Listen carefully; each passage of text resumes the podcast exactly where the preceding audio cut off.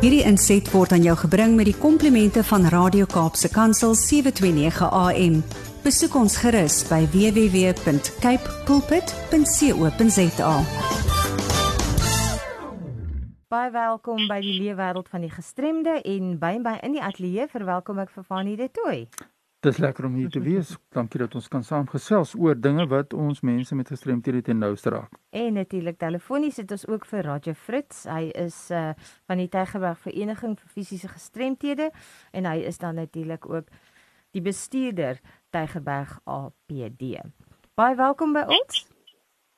Baie dankie julle en ook goeiemôre aan al die luisteraars. Nou kom ons kyk so 'n bietjie na die Tygerberg Vereniging vir uh fisiese gestremthede. Wat is die organisasie alles? Ehm uh, wat wat wat behels dit alles? Ja, die Tygerberg Vereniging vir Gestremdes is 'n diensgewende organisasie. Uh ons is ook 'n transformerende organisasie in die sin dat ons gedurig uh aan die ontwikkel is in die welsynssektor en ons is ook 'n inklusiewe organisasie in die sin dat ons nie net een spesifieke uh, groep se behoeftes voorsien nie, maar dat ons probeer om soveel as moontlik uh, alle groepe in die samelewing te bedien uh, wat nou natuurlik uh, presenteer met gestremdhede. Jy vertel ons 'n bietjie oor die agtergrond, hoe die proses ontwikkel die vereniging, hoeveel jaar bestaan julle al, want is ook maar 'n ontwikkelende aspek die gestremdheidsake. Ja, van die uh die die wonderlike ding is is dat ons is hierdie jaar 60 jaar oud, kan jy dit glo? Ja. Uh ja, en ons is baie opgewonde, dit wys net hoe lank ons nou al in die mark is en dit dien lewer aan mense met gestremdhede. Maar die Vereniging van Gestremdes is in 1962 gestig deur die destydse uh, ortopediese chirurg uh Dr. Steitler en sy vrou natuurlik. Uh en hulle het baie uh hulle het 'n behoefte saamgestel dat uh aan die Tegenberg Hospitaal waar hy gepraktiseer het dat wanneer gestremde mense dan of mense wat in ongelukke was ontslaan word, is dan niks rehabilitasiedienste vir hulle nie. En daar toe nou 'n gaping in die samelewing bestaan dat hierdie dokter toe nou besluit het hy en sy vrou dat hulle gaan iets doen en probeer om hierdie gaping toe te maak. En gevolglik het hulle die vereniging gestig en van daai tyd af het dit maar nou net van krag tot krag gegaan en vandag is ons gebaseer in Goodwood. Uh en ons bedien die hele noordelike voorstede ehm um, in, in verskillende areas en ehm um, ja, dit is maar nou die geskiedenis van ons organisasie. Interessant wat jy nou sê julle be, be, um, julle bedien die Goodwood area. Is dit uitsluitlik of ehm um, is julle uh, kan julle ander areas ook akkommodeer?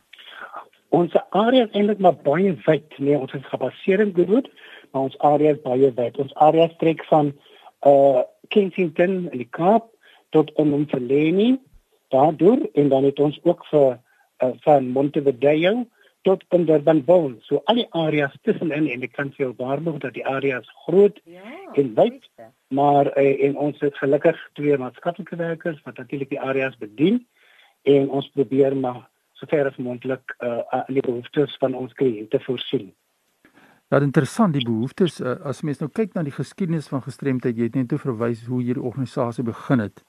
En ons het kyk na die mediese aspekte van die persoon en die rehabilitasie, maar soos wat die proses met die jare gegaan het, het ons meer ook gefokus op die sosiale model van gestremdheid en ons het kyk na die persoon eerste en dan ook nie net die mediese aspekte nie, maar ook die integrasie en die rehabilitasie net, maar ook die menseregte aspekte en ontwikkelingsgeleenthede.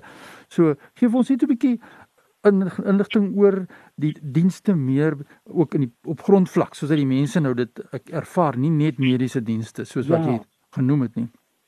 Nee, sekerlik van nie. ons dienste is wyd en en en, en verskillend. Uh so ek gaan nou net 'n bietjie paar van ons dienste noem. Asseblief. Dat jy gehoor het jy weer kan kry. Ons doen natuurlik uh, 'n uh, kern van ons uh, dienste is 'n uh, maatskaplike beradingsdienste aan individue en hulle families wat mense met gestremdhede het uh ons doen ook terapeutiese groepe waar mense met gestremdhede bymekaar kom en hulle uh ondersteuningsgroepe uh en kundige ondersteuning van mekaar kan bied. 'n Tipe van 'n peer ondersteuningsgroep.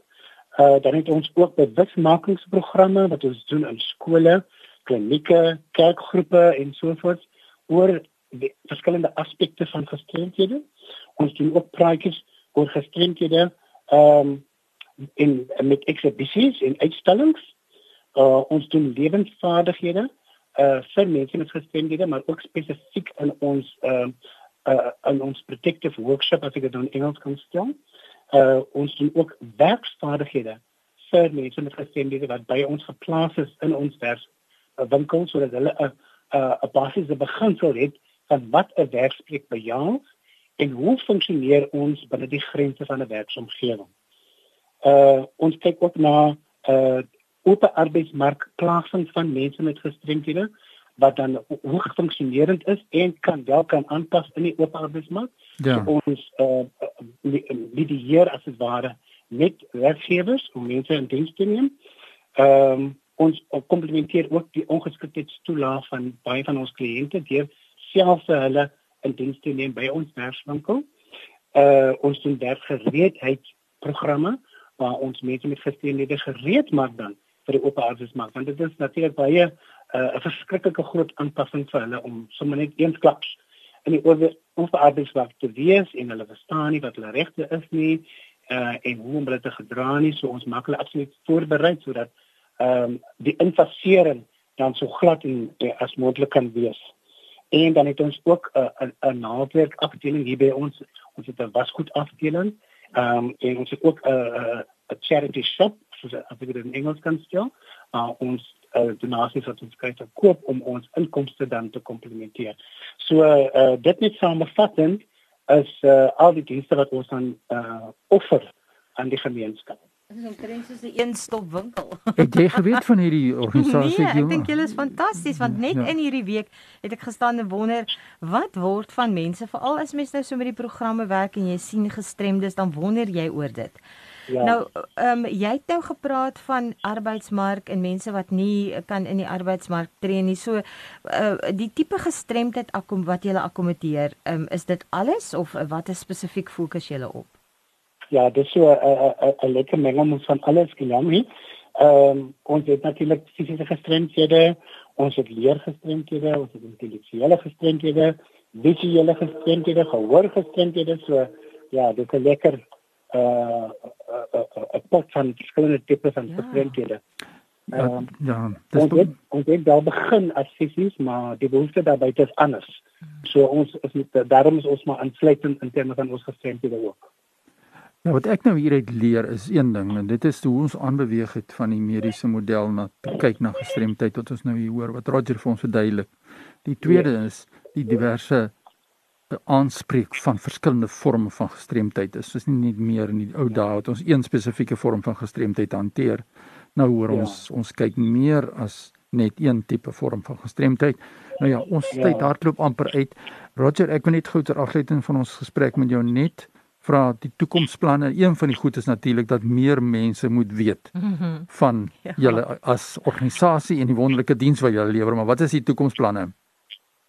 Ja, uh, baie belangrik die planne dat ons uh, die COVID was glad nie goed met ons uh, finansiëel nie en ons ons ons moet absoluut klim daarop dat ons uh, so hard as moontlik gaan werk aan finansiële inkomste. Die staat was dan ons te ondersteun, maar dit is heeltemal nie genoeg saam nie. So ons verwelkom enige vorm van donasies of dit nou materieel of finansiëel is uh sodat ons weer 'n bietjie uit hierdie groep van COVID uit kan uitkom. So bemarking en finansiële uh fundraising as ek dit in Engels kan stel, absolute prioriteite vir ons vir die toekoms. Ja, en deel nou maar ook net betrokkenheid by 'n organisasie. As vrywilligers, jy weet, mense dink altyd jy moet al hierdie geld gee, maar daar's so baie hande wat nodig is en hy sit hier in ons boesem Dit is ongelooflik hoe naby dit is ons sit hier naby Goodwood en so baie mense weet nog nie van organisasie nie so dit was lekker om hierdie gesprek ja, te luister. Absoluut. Roger ek al my hoed af vir wat julle doen. Dis geweldige baie werk, groot organisasie, groot uitleg van mannekrag en uh, ek is seker daarvan as mense wel miskien beskik oor vaardighede wat vir julle as organisasie kan help met die fisiese hantering van van hierdie mense, dan dink ek is hulle ook welkom. Kom ons gee kontaknommers waar mense vir navrae met julle kan skakel. Yes. Uh uh baie korrek wat jy sê. Uh so ons kontaknommers is 021 810 6700. 021 810 6700. Het julle enige e-posse vir kies julle mense moet telefonies kontak? Uh ons verkies hulle kan telefonies kontak, maar hulle kan ook uh, e-pos is admin by tygerbergapd.co.za. Baie dankie dat jy ons telefoniese gas was. Ons voel regtig baie ingelig. Mense gaan besoek, vind meer uit oor hierdie organisasie en uh, raad jou baie dankie en seën en sterkte vir hierdie jaar. Fani, baie dankie ook aan jou. Ja, baie dankie. Sterkte ook aan jou, Roger. Baie dankie, baie dankie vir die geleentheid. Totsiens, Roger. Bye bye. Baie dankie Fani, ook aan jou. Totsiens. Groete. Hierdie inset was aan jou gebring met die komplimente van Radio Kaapse Kansel 729 AM. Besoek ons gerus by www.cape pulpit.co.za.